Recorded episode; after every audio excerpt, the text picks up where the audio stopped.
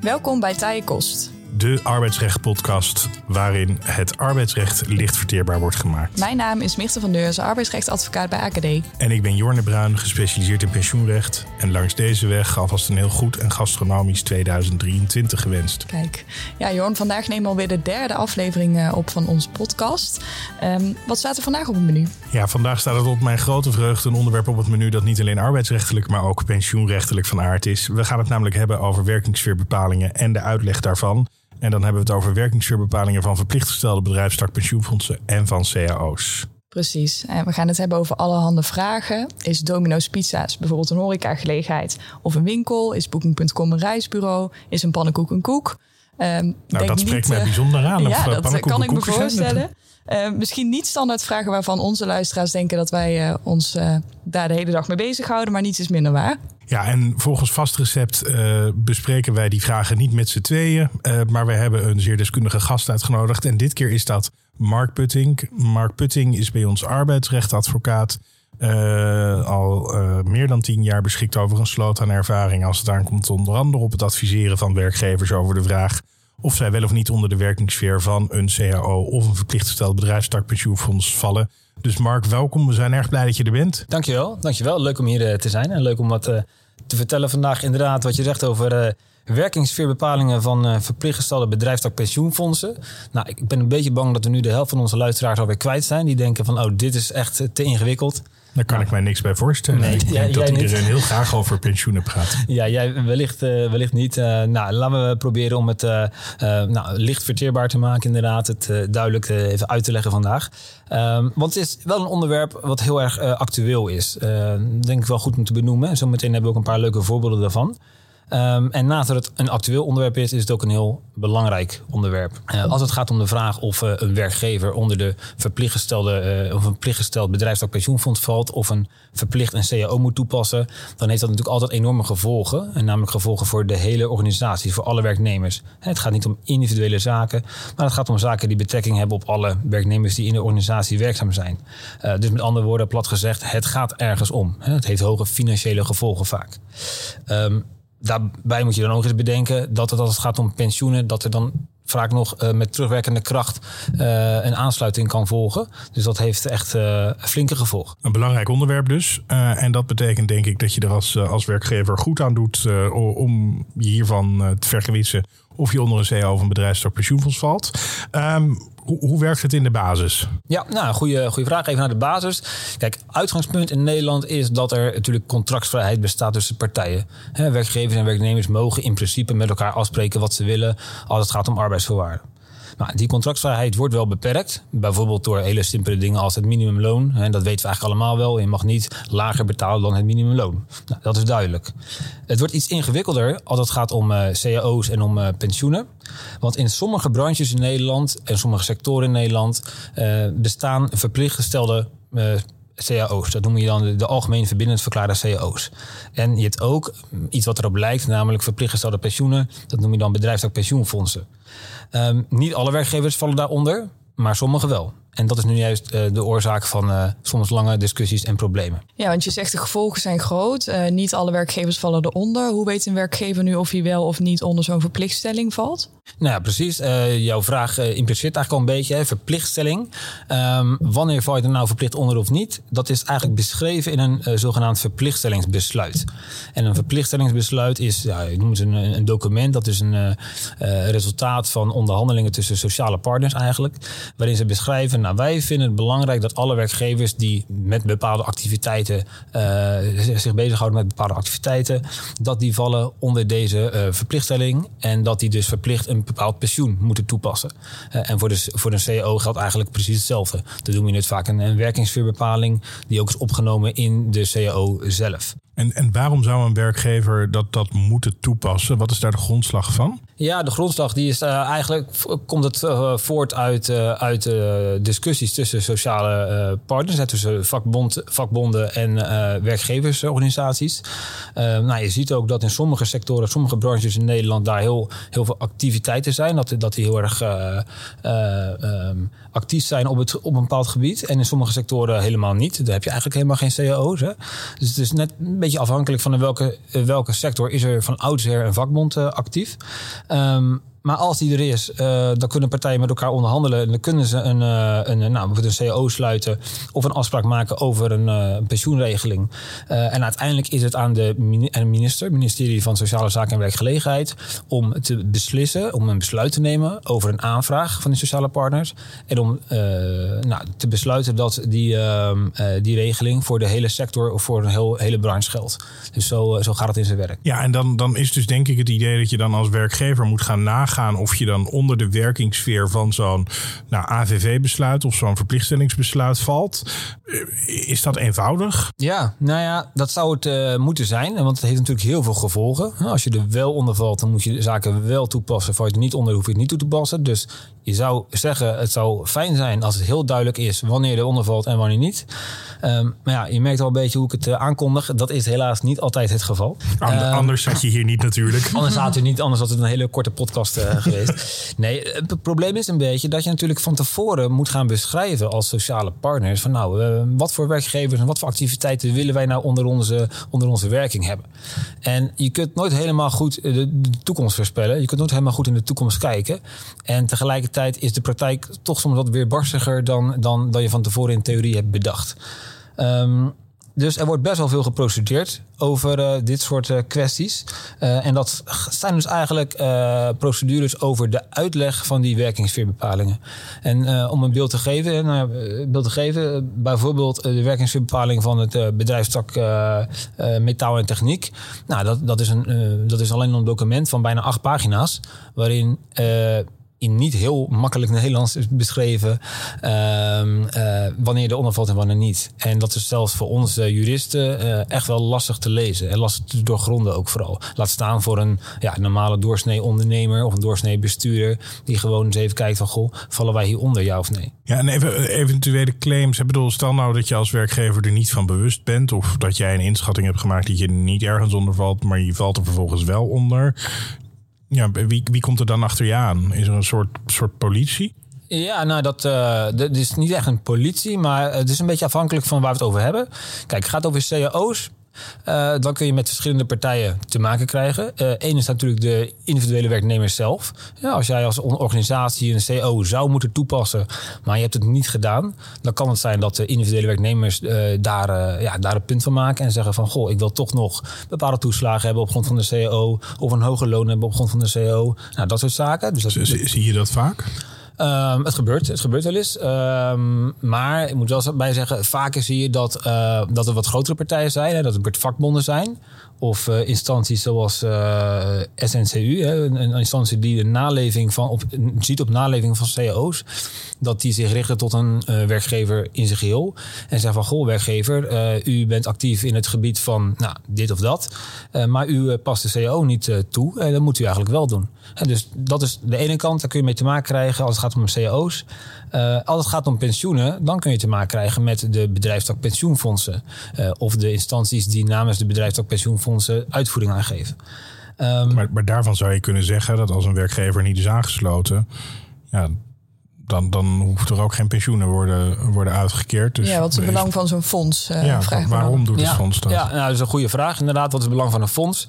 Um, het bijzondere aan zo'n bedrijfstak pensioenfonds is dat zij, even heel simpel gezegd, de verplichting hebben om uh, deelnemers, werknemers of oud-werknemers die werkzaam zijn geweest in een bepaalde branche, uh, om die uh, een pensioen te betalen als die werknemers kunnen aantonen dat zij uh, werkzaamheden hebben verricht die onder de werkingssfeer van zo'n bedrijfstak pensioenfonds vielen. Ook als die werkgever zelf zich er daar misschien niet bewust van is geweest en ja, laten we zeggen per ongeluk niet is aangesloten en er dus geen premie is betaald. dus uh, gaat het bij normale pensioen, nou normale bij pensioenverzekeringen uh, geldt het uh, adagium als er geen premie betaald is, heb je in principe geen recht op een pensioen. maar bij bedrijfstak pensioenfondsen werkt dat net wat anders. en, en daardoor hebben de bedrijfstak pensioenfondsen er dus een heel groot belang bij om ervoor te zorgen dat iedereen die, um, um, die mogelijk onder de werkingssfeer valt, om daar zekerheid over te verkrijgen. En ook om de werkgevers daarover aan te schrijven. En ook ervoor te zorgen dat de werkgevers daadwerkelijk die pensioenpremies betaald hebben. Anders hebben ze natuurlijk gewoon een heel groot uh, probleem op het moment dat de werknemers hun pensioen ja, komen in een incasseren, zeg maar. Dus, dus die bedrijfstak pensioenfondsen die zijn eigenlijk actief op zoek naar, naar werkgevers die niet zijn aangesloten om hun eigen liability te beperken. Ja, nou, zo, zo, kun je het wel noemen, absoluut. En je ziet ook best wel veel procedures die worden aangespannen door nou, bedrijfs- en pensioenfondsen, soms ook door werkgevers. want nou ja, zoals ik al aangaf, die, die werkingssfeerbepalingen zijn best wel lastig te lezen. Um, daar ontstaan best wel vaak geschillen over. Dus werkgevers zelf, maar of ook bedrijfs- en pensioenfondsen willen daar vaak duidelijkheid over hebben. En willen daar vaak uh, een oordeel van de rechter over hebben. Wat als gevolg heeft dat een werkgever verplicht premies moet gaan betalen. En dan mogelijk ook met terugwerkende kracht. En dat is natuurlijk uh, wat deze zaak helemaal, of dit soort zaken helemaal spannend maakt. Uh, het kan zijn dat je met terugwerkende kracht uh, premies moet afdragen als je ten onrechte niet aangesloten bent geweest. Ja. Even, en, en, en, maar hoe, hoe vindt zo'n bedrijfstak pensioenfonds, hoe vindt hij zo'n werkgever? Het kan op verschillende manieren gaan. Um, je kunt in ieder geval, uh, wanneer je uh, een nieuwe onderneming start, hè, dus laten we het hebben over start-ups. Als je een nieuw bedrijf start, uh, nou, dan moet je natuurlijk statuut opmaken. Dan moet je inschrijven in de Kamer van Koophandel. En op basis van de inschrijving in de Kamer van Koophandel word je natuurlijk ingedeeld in een bepaalde categorie, een bepaalde code. En op basis daarvan kunnen bedrijfs- en pensioenfondsen al worden getriggerd om te kijken: hey, we hebben hier een, een, een nieuw bedrijf actief in, in, in, de uitzending bijvoorbeeld, of actief in de metaalindustrie. Um, en um, enkel die inschrijving kan voor een bedrijfs- of pensioenfonds al een trigger zijn om maar eens even een briefje te sturen naar deze uh, werkgever, dit bedrijf. En met een vragenlijst. En dan uh, te vragen van, goh, wat zijn uw activiteiten precies? En wat gaat u precies doen? Uh, kunt u daar een beschrijving van geven? En daar wordt vervolgens een conclusie uitgetrokken. En die conclusie kan dan zijn, u moet verplicht deelnemen. Nou, je gaf net aan dat er inderdaad veel over wordt geprocedeerd. Hè. We zien natuurlijk in onze praktijk ook terug dat het uh, vaak een issue is bij due diligence onderzoeken, bij aan- of verkoop van, uh, van een onderneming. Uh, is het vaak een issue. Um, wat is daar nu de oorzaak van dat we hier zoveel discussie over hebben? Ja, deels komt dat, uh, ja, wat ik eigenlijk al een beetje zei, deels komt dat door die enorm uitgebreide werkingssfeerbepalingen, die soms lastig te lezen zijn. Uh, Tegelijkertijd uh, hebben we ook te maken met nieuwe ontwikkelingen. Hè. De wereld staat niet stil. Dus wat er tien of twintig jaar geleden beschreven is als een bedrijfsactiviteit. Ja, dat, dat, is, dat ziet er momenteel misschien heel anders uit. Hè, dan een mooi bruggetje naar, uh, nou ja, als we de krant openslaan, dan uh, zien we termen als platformarbeid. We kennen allemaal de, de Ubers, de Helplinks, de Deliveroo's. Uh, nou, dat soort ondernemingen, dat soort organisaties, die, die werken op een, op een manier die niet altijd helemaal aansluit bij de beschrijvingen van die werkingssfeerbepalingen. Het is de vraag, past dat op het malletje? Dat is, dat is altijd de vraag. En een, een heel, heel, leuk voorbeeld daarvan is natuurlijk Booking.com. Dat is een bekend voorbeeld ook. Het is een nou, iedereen heeft wel eens een hotelletje geboekt via booking.com. Um, maar ja, wat is het nou precies voor een organisatie? He, uh, nou ja, als ik even kijk in de, in de Kamer van Koophandel, dan is Booking.com nog steeds ingeschreven als een, een, een, organisatie die zich bezighoudt met het ontwikkelen, produceren en uitgeven van software. Ik lees het maar even, even letterlijk voor. Het gaat om het ontwikkelen en exporteren van een mobiele website en een app. Inclusief bijkomende activiteiten op het gebied van informatietechnologie. Dus de, de beschrijving van boeken.com in de Kamer van Koophandel duidt op geen enkele manier op, op reizen en op hotels en dat soort zaken. Gewoon een willekeurig IT-bedrijf, als je het zo, zo hoort. Ja. Het, is eigenlijk een, het lijkt op een willekeurig IT-bedrijf en zo zijn ze ook begonnen. En dat is misschien wel goed om even te benadrukken. Zo zijn ze ook begonnen. Hè. In 1996 is het echt een uh, IT-start-up geweest. Nou, met een paar laptops en dan uh, maar eens een mooie website maken. Dat is een beetje wat het is. Uh, het is natuurlijk nu uitgegroeid tot een enorm, enorm groot bedrijf. Over heel, heel de wereld zitten ze. Um, en ja, uiteindelijk is de vraag ontstaan van... goh, uh, zouden zij niet moeten worden aangesloten... bij het bedrijfstak pensioenfonds voor de reisbranche? Want wat we nu feitelijk doen is toch ja, een soort uh, bemiddeling... een soort uh, aanbieden van reizen van hotels. en dat is ja, eigenlijk... Want dat bedrijfstak pensioenfonds... dat is het bedrijfstak pensioenfonds voor reisbureaus, ja, zeg maar. Exact. Ja, als ja. je gewoon een normaal, reis, een normaal huistuin- en keuken reisbureau bent... dan ben je daar aangesloten. Dat is eigenlijk geen discussie over mogelijk. nou, Booking.com is dat natuurlijk niet. Althans, is niet een, een heel alledaagse reisbureau. Het is een website waarbij dan de vraag is van... ja, is er nou wel of niet een reisbureau... wat bemiddelt in, uh, in reizen en, en dergelijke. Um, nou, wat je ziet wat daar gebeurd is... is dat uh, Booking.com al in 2014 is aangeschreven... door het BPF Reisbranche... Nou, met zo'n formulier met wat vragen, wat ik net aangaf. Zo gaat het eigenlijk heel eenvoudig. Nou, dat heeft Booking.com toen gedaan. En toen heeft de BPF aangegeven dat Booking.com inderdaad verplicht aangesloten zou moeten worden. En sindsdien zijn partijen al met elkaar in geschil. Zijn ze al met elkaar aan het procederen. Ehm, ze zijn inmiddels bij eh, de rechtbank geweest, bij het gerechtshof geweest, bij de Hoge Raad geweest. Uh, toen weer terugverwezen naar uh, een ander gerechtshof. En voor zover mij bekend zijn ze daar of nog steeds aan het procederen... of misschien achter de schermen bezig met een regeling. maar in ieder geval, er is nog geen, nog geen duidelijkheid voor zover mij bekend.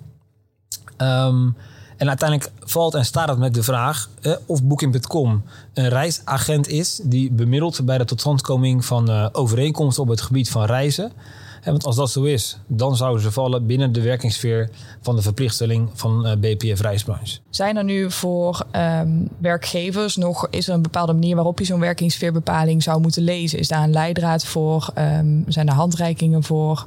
Hoe komen we nu uiteindelijk tot een goede interpretatie van zo'n werkingssfeerbepaling om nou te bepalen of de activiteiten daaronder vallen? Nou, dat is op zich uh, best lastig. Uh, we kennen in, uh, in de juristen, juristerij de, de CAO-norm. En dat is op zich een bekende term. Hè. De CAO-norm gaat uit van een, een vrij letterlijke lezing van de tekst. Hè, omdat niet allerlei partijbedoelingen moet betrekken bij wat partijen nu hebben opgeschreven. Je moet gewoon kijken naar de tekst. Wat staat er? En staat, staat er A, dan betekent het ook A. Dus op zich ja, is dat duidelijk. Alleen dan nog is het in de praktijk soms heel lastig uh, om te begrijpen uh, wat er staat. En misschien een, aardig voorbeeld is misschien wel uh, de zaak over de bekende pannenkoeken. Daar hebben we ook eerder over gesproken. Um, dat is een zaak die al wat langer speelde. Vorig jaar is daar een uitspraak geweest van het gerechtshof. Waarbij het eigenlijk draait om de vraag: is een pannenkoek of een, is een, een, bedrijf dat pannenkoeken produceert.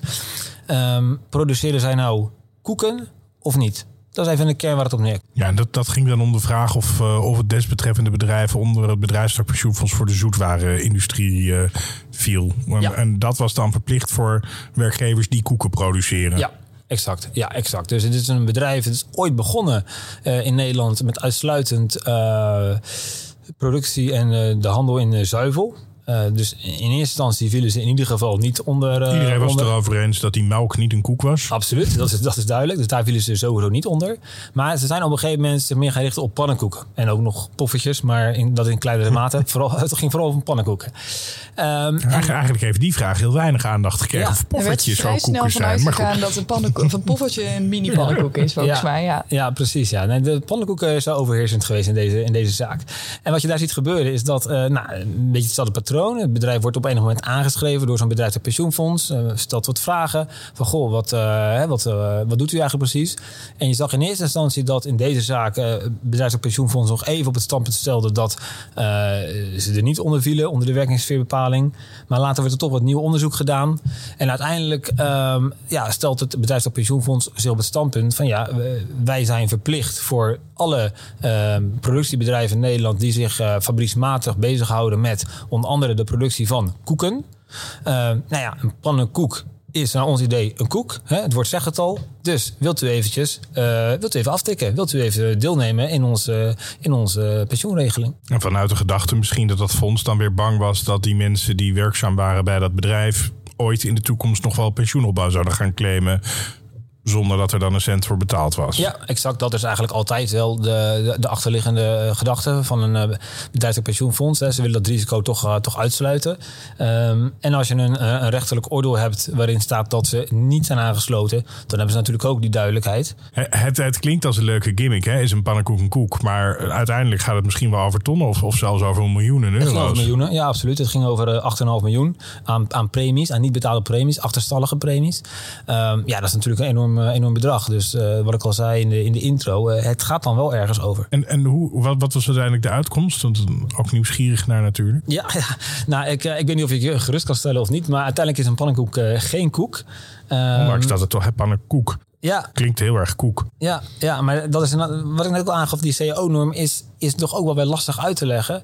Uh, want er staat inderdaad koek, uh, pannenkoek. Um, maar in deze procedure is door, nou, door beide partijen heel veel uh, naar voren gebracht.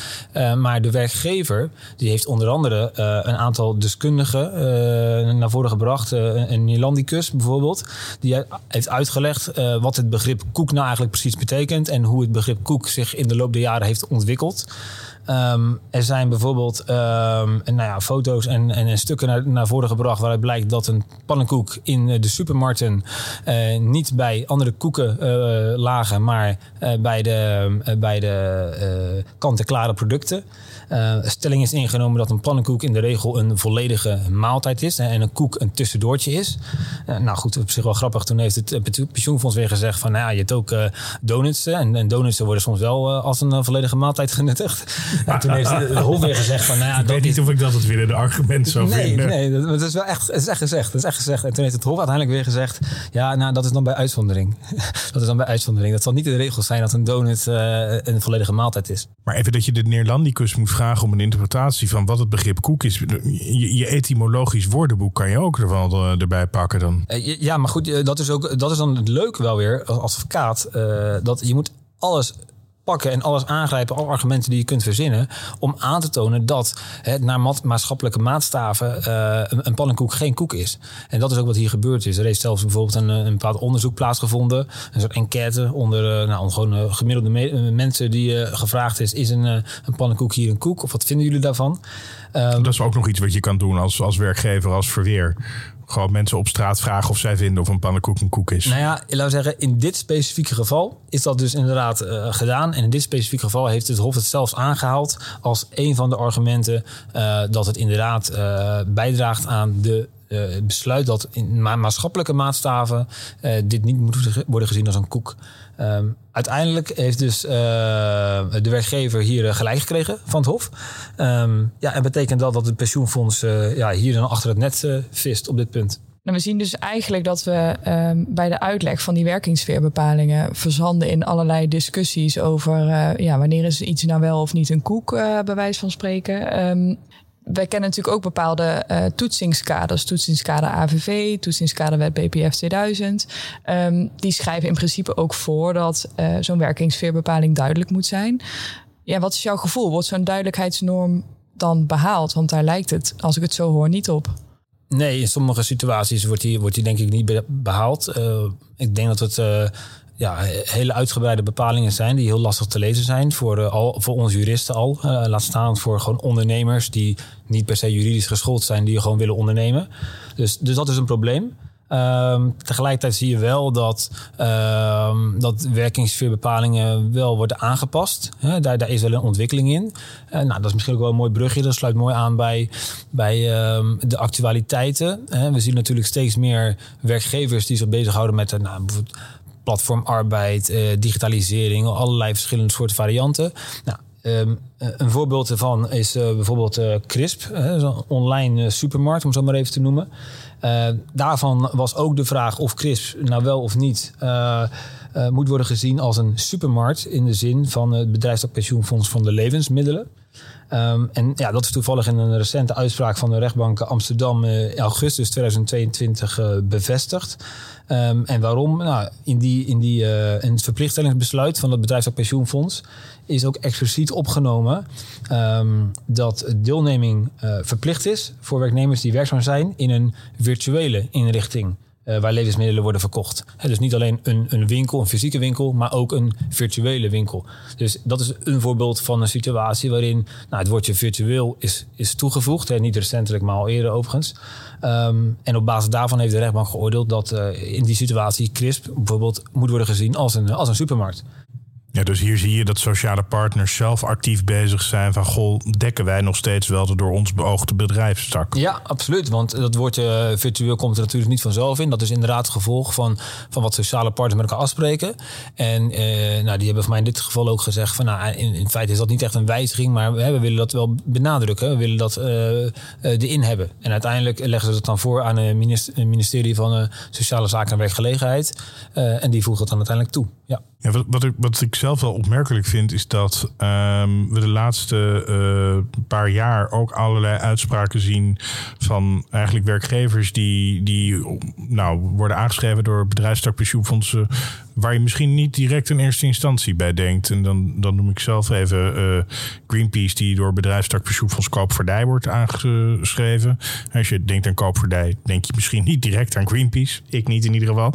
Nee. Um, maar een ander waar, de, waar de Hoge Raad zich wel over heeft uitgelaten, dat is, uh, is Domino's. Of, ja, uh, Domino's, pizza inderdaad. Nou ja, als ik aan jullie vragen, nou, wat, wat, wat, waar zou je Domino pizza's nou mee associëren? En wat is het nou voor bedrijf? Hè, Meerte, wat vind jij? Wat is het voor bedrijf? Ja, neigt naar horeca. Hè. Het uh, restaurant-idee bijna. Bezorging, fastfood misschien. Fastfood, ja. ja. ja. ja. En dat, dat uh, ja, zou ik ook moeten denken. En dat vond Domino's zelf ook. Althans, er is een procedure heeft plaatsgevonden tussen de verschillende franchise-nemers van Domino's en het detailhandel en pensioenfonds detailhandel. Uh, want dat is waar het hier om gaat. Uh, Domino Pizzels is aangeschreven door de pensioenfondsen detailhandel. Uh, met de stelling dat het verkopen van pizza's valt onder de detailhandel. Ja, en dan kun je afvragen, is dat nou, is dat nou de bedoeling? Is dat nou logisch? Ligt dat voor de hand? Dat zijn allerlei vragen die, die je terecht kunt stellen. Uh, maar om een lang verhaal kort te maken, uiteindelijk heeft uh, zowel de rechtbank als ook het uh, gerechtshof, als uiteindelijk ook de Hoge Raad besloten dat um, Domino Pizzels inderdaad onder de verplichtstelling van de detailhandel valt. En waarom is dat besloten? Omdat ze verkopen pizza's. Um, nou, in de, de verplichtstelling van uh, detailhandel uh, wordt onder andere gesproken over het verkopen en wederverkopen van uh, waren. Ja, wat zijn waren? Hè? Dat is natuurlijk weer een, weer een, goede vraag. Um, uiteindelijk blijkt in die procedure dat pizza's ook worden gezien als, als waren. Ondanks het feit dat Domino's zelf zegt: ja, wij, wij kopen allerlei ingrediënten in en wij maken daar iets moois van. En wij bakken dat. We hebben een oven, we hebben allerlei medewerkers in dienst die, die, die echt uh, pizza's maken. En uiteindelijk verkopen wij het aan de klant, hè, aan, de, aan de, de, de, mensen die hem komen afhalen of die hem laten bezorgen. Um, dus wij zijn veel meer een soort restaurantfunctie en veel meer een soort horecafunctie. Um, maar toch werd uh, besloten door het, uh, door het Hof en uiteindelijk heeft de Hoge Raad dat oordeel in stand gelaten. Um, dat zij moeten deelnemen aan, aan de bedrijfstak pensioenfonds voor de detailhandel. En dat kan grote gevolgen hebben. Ja, misschien wel goed om nog even vast te stellen dat, dat, dat deze domino's vestigingen in ieder geval niet waren aangesloten bij bedrijfstak nee. pensioenfonds voor de horeca of pensioenfonds horeca en catering. Um, maar op het eerste gezicht lijkt dat toch ergens een, een wat bijzonder oordeel dat um, een, een ja, toch een beetje fastfoodrestachtig restaurant, um, wat, wat daadwerkelijk eten prepareert en, en verwerkt, dat dat toch eigenlijk op één lijn gesteld wordt met detailhandel. Ja. ja. Um, heb, heb jij daar moeite mee? Nou ja, aansluitend bij de vraag van, van Meerte eerder in de podcast, het moet wel, wel duidelijk zijn voor ondernemers waar ze aan toe zijn. En als je een, een, een afhaalzaak begint voor pizza's, waar je gewoon pizza's kunt afhalen, ja, dan, dan kan ik me echt wel goed voorstellen dat je er niet op bedacht bent dat je al je werknemers verplicht moet aansluiten bij het bedrijfstak pensioenfonds voor de detailhandel. He, dat, dat ligt niet per se voor de hand. Zonder dat ik nou zeg dat het, dat het dus een verkeerd oordeel is van het Hof. Uh, maar het toont wel aan dat het echt wel ingewikkelde materie is. Het hangt natuurlijk ook af van hoe er verweer gevoerd is. Dat, dat, als het Hof is ook geleidelijk. Maar, maar uh, hoe gaat het nu verder? Want wat moeten deze, uh, deze domino's vestigingen? Nou ja, als uh, wellicht dat ze nog een, een schikking bereiken. Dat, dat zie je natuurlijk wel vaak. Hè? Dat het toch nog wordt geschikt met elkaar. En dat ze kijken naar in, in hoeverre zal die terugwerkende kracht wel of niet plaatsvinden van pensioenpremies. Maar in de kern, in de regel, ja, heeft de rechter geoordeeld dat, dat ze onder de verplichtstelling vallen. En dat betekent dat eigenlijk uh, iedereen die bij Domino's uh, werkt of heeft gewerkt, uh, recht heeft of in ieder geval aanspraak kan maken op een pensioen krachtens het bedrijfstak pensioenfonds voor de detailhandel.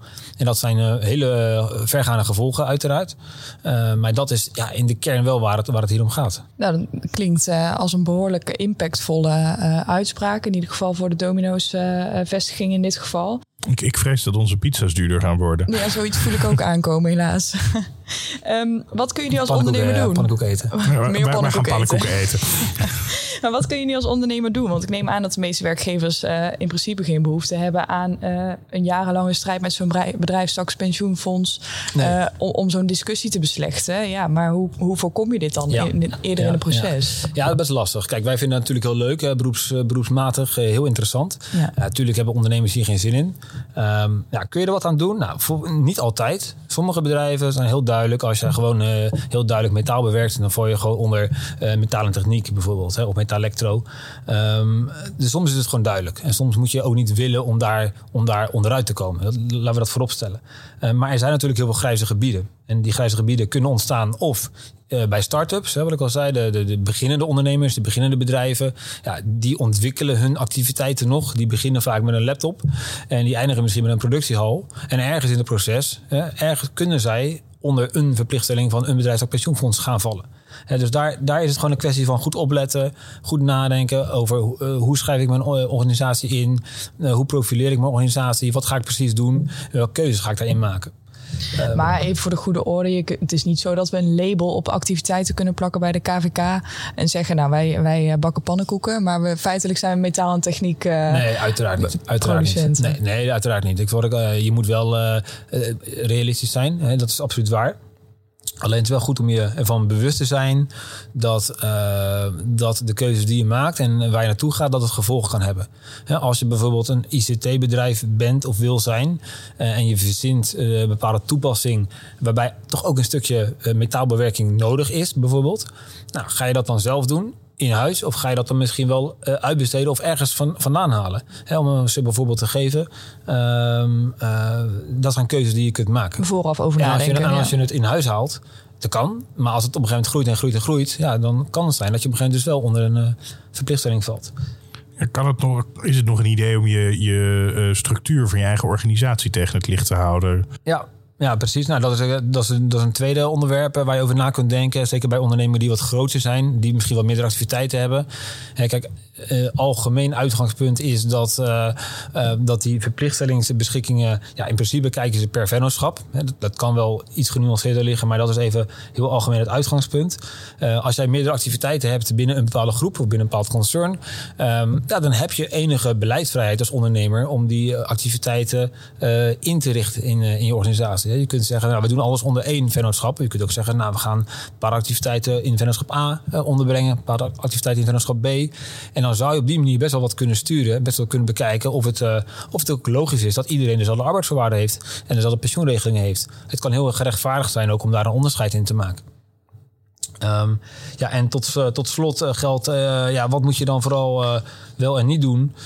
Um, pas in ieder geval op met de communicatie met uh, pensioenfondsen. Ik zie best wel met enige regelmaat dat bedrijven zeggen van... nou, weet je wat, we, we gaan zelf eventjes uh, een pensioenfonds aanschrijven... omdat wij misschien wel uh, die regelingen vrijwillig willen toepassen. En sommige pensioenregelingen kan dat. Maar ja, op het moment dat je jezelf meldt en zelf eh, beschrijft van... goh, we willen graag vrijwillig aansluiten... dan kan het best zo zijn dat je per keer in de post een briefje terugkrijgt... waarin staat van, goh, u had eigenlijk al jarenlang aangesloten moeten zijn. Gefeliciteerd. Dus, gefeliciteerd, Je hoort erbij. Je hoort erbij, uh, maar u moet ook even met terugwerkende kracht een aantal jaar aftikken. Dus dat kan. Dus pas daar wel mee op. Kijk, hè, kijk daar goed mee uit en laat je ook van tevoren daar goed over adviseren. Um, en wat vooral belangrijk is, is als je zelf post krijgt van een bedrijfspensioenfonds... en een bekende vragenlijstje met wat doet u precies... Nou, zorg dan dat dan even de alarmbellen afgaan. Dat je daar heel goed en heel zorgvuldig naar kijkt. En niet te makkelijk het briefje invult en weer terugstuurt. Uh, want dan is de kans toch wel uh, groot dat dat er misschien misgaat. Dus zorg dat je daar echt heel goed naar kijkt. Ja, en, en dat is misschien ook wel lastig natuurlijk. Hè? Want eh, je kan natuurlijk als werkgever in een grijs gebied zitten. Van, nou, val ik wel of niet onder het BPF? Ja, adviseren we dan toch nou, uh, misschien moet je uh, je niet proactief melden, maar verstoppertje blijven spelen. of is het juist, ja, je, je, hebt nu een soort liability boven je hoofd hangen. Dus, dus ga maar duidelijkheid vragen.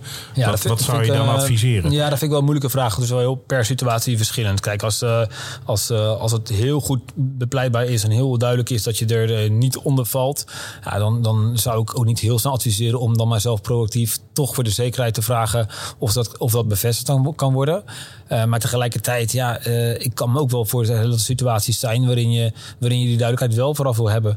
En waarin je denkt van, nou, weet je wat, ook al vallen we er wel onder, nou eh, prima, want dan heb ik in ieder geval die pensioenregeling. Dus dat is ook goed. Heb ik in ieder geval duidelijkheid. Dus, dus dat dan is, krijg ik niet nog over tien jaar dat bedrijfstakpensioen op de, dus soms op de ja, die loopt natuurlijk ook op. Dus ja, ja. ja, exact. Dus soms kan het een prima idee zijn om wel proactief uh, naar een bedrijfstakpensioenfonds te stappen. Alleen wat je wel wil, is dat je daar wel goed voorbereid bent. Dat je daar wel van tevoren over na hebt gedacht.